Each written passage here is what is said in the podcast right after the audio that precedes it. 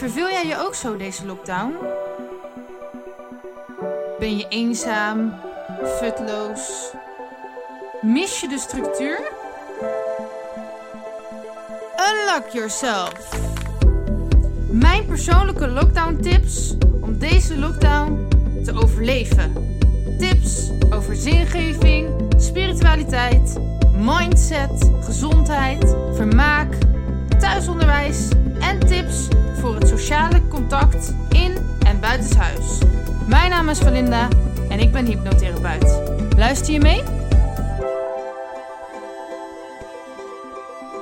Tip 46. Maak van alles een spelletje. Ik blijf een beetje in de herhaling vallen, maar dit was ook een tip voor de thuisleraren. Ehm, maar sowieso, als je je kind iets wil leren, maak er een spelletje van en ze gaan het onthouden. Als je jezelf iets wil leren, maak er een spelletje van en je onthoudt het makkelijker. En ehm, wat wou ik nog meer zeggen?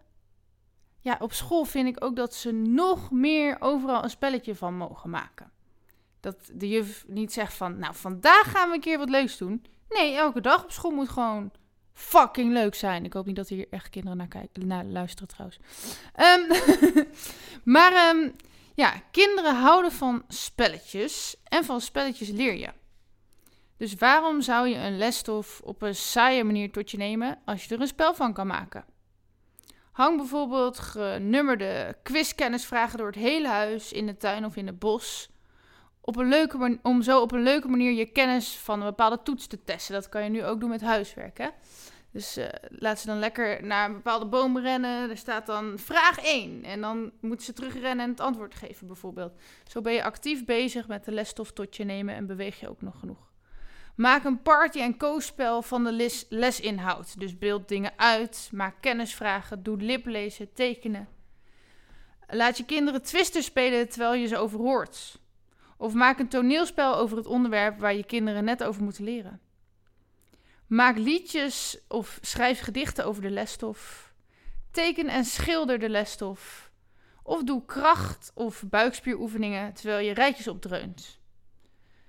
Doe een dans over een bepaald onderwerp waar je kind net over moet leren. Of lees uh, elkaar de lesstof voor met hele gekke stemmetjes. En denk je, wat heeft dat nou weer voor zin? Ja, als het echt super grappig is, uh, met gehoor kan je ook op een bepaalde manier uh, beter onthouden. En als je dan een bepaald woord absoluut niet kan onthouden, maar met een bepaald gek stemmetje opeens wel, dat kan super goed helpen. Dit zijn dus ook manieren die je kan gebruiken als je zelf nog aan het studeren bent. Hè? Um, geef elkaar spreekbeurten, want als je een ander iets uitlegt over een bepaald onderwerp, onthoud je zelf het onderwerp beter dan dat je alleen maar leest of luistert. Maak ezelsbruggetjes en grapjes van en over de lesstof. Dat was wel altijd mijn manier van leren. Uh, ja, ik heb altijd heel veel getekend. Ik kan helemaal niet, of tenminste tijdens het leren. Ik ben helemaal geen tekenaar, maar uh, ik kan ook dus niet heel mooi tekenen. Maar als ik bepaalde woorden moest onthouden, dan ging ik. Uh, ik heb bijvoorbeeld godsdienst gestudeerd. Dit is één voorbeeld wat ik nu toevallig nog weet. En ik moest het woord doeïsme onthouden. Maar ik kon het niet onthouden. Dus hoe heb ik dat bijvoorbeeld opgelost? Ik ging altijd elk woord tekenen. Hoe ga je het doeïsme tekenen? Nou, het doeïsme betekent eigenlijk dat God een wereld heeft gemaakt en hem daarna achter heeft gelaten. Dus eigenlijk als het ware doei zei tegen de wereld. En er niet meer naar om heeft gekeken. Dus ik tekende God, hoe die er dan ook uit mag zien, met een zwaaiend handje en een wereld daaronder waar die naar zwaaide. En zo heb ik het woord doeïsme onthouden. Nou, dat is heel raar omdenken, maar dat is mijn manier hoe ik dingen goed leer. Um, ja, ik, ik leer altijd op hele creatieve manieren. Dus misschien werkt dat voor jou of je kind ook wel. Um, knutsel rondom een bepaald thema. Zoek in huis, tuin en de natuur naar voorbeelden van objecten waar je iets mee uit kan leggen. Laat je kind een vlog maken over de lesstof. Uh, laat ze met elkaar vergaderen en debatteren, zodat ze over voor- en nadelen uh, nadenken en ook in elkaars mening kunnen verplaatsen. En laat iemand notuleren. Gebruik de lesstof als mantra voor in een meditatie. Dus ga gewoon een meditatie opnemen over de lesstof. Kan ook werken. Reken met voedsel wat jullie vandaag eten. Zoek filmpjes op over een onderwerp of maak zelf nieuwe filmpjes. Ehm, knuffel elkaar terwijl je bespreekt en aanwijst welke organen er waar in je lichaam zitten. Vind ik ook wel een originele. En van knuffelen maak je ook nog oxytocine aan, een geluks- en hechtingstof, waardoor je je veiliger voelt. Dus misschien helpt dat ook nog bij het leren. Ehm, wees creatief, speel, ervaar, want leren is superleuk. En alles wat je een goed gevoel heeft, dat onthoud je.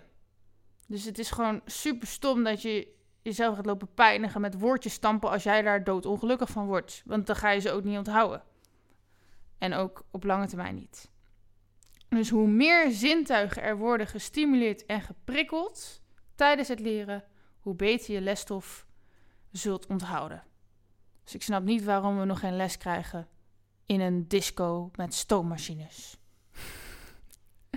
Bijvoorbeeld.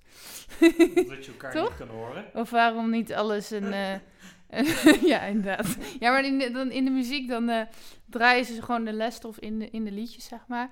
Of waarom zien we van zevende. de wortel van zeven? We, wortel. En ehm, waarom kijken we niet eh, elke dag naar allerlei verschillende musicals om, eh, om bepaalde dingen te leren? Maar ja, zo gedoe om dat elke dag te gaan organiseren als meester of juf. hè. Dus, nou, dit boodschap was volgens mij wel duidelijk. Ehm, ja, ik wilde toch nog even voor de volwassenen die iets willen leren. Maakt niet uit wat, hè. kan ook gewoon nieuw gedrag leren zijn. Ik heb bijvoorbeeld een voorbeeld hoe ik dat dan zelf doe. Ik was en ben eigenlijk niet zo'n goede huisvrouw. Of tenminste, ik hou niet van opruimen, ik hou niet van schoonmaken, ik vind het vreselijk. Maar ja, als je dat nooit doet, dan dat is ook niet echt handig leven of zo. Dus ik heb jarenlang gezocht naar manieren om dat toch voor elkaar te krijgen en het lukte vaak niet. En tegenwoordig lukt het over het algemeen wel. Hoe heb ik dat opgelost? Want ik vond het nog steeds vreselijk en saai en om te doen. Ik besloot om bijvoorbeeld podcasts te gaan luisteren over onderwerpen die ik heel interessant vond. En daardoor vond ik het opeens helemaal geweldig om op te ruimen en schoon te maken. Ehm, nou, ook bijvoorbeeld, je wil gaan joggen, maar je vindt joggen heel zwaar en moeilijk en je kan maar niet beginnen. Maar als je dan voortaan op je favoriete muziek doet, dan heb je misschien opeens wel zin om te gaan joggen. Dus probeer telkens dingen te bedenken die jij leuk vindt, waar jij blij van wordt, waardoor je dan bepaald nieuw gedrag gaat aanleren. En je zult het veel makkelijker kunnen en doen. Dus ehm, maak dingen altijd makkelijker en leuker. Of in ieder geval zo leuk mogelijk. Meer weten? Ga naar walinda.nl of volg mij op Facebook en Instagram. Doei!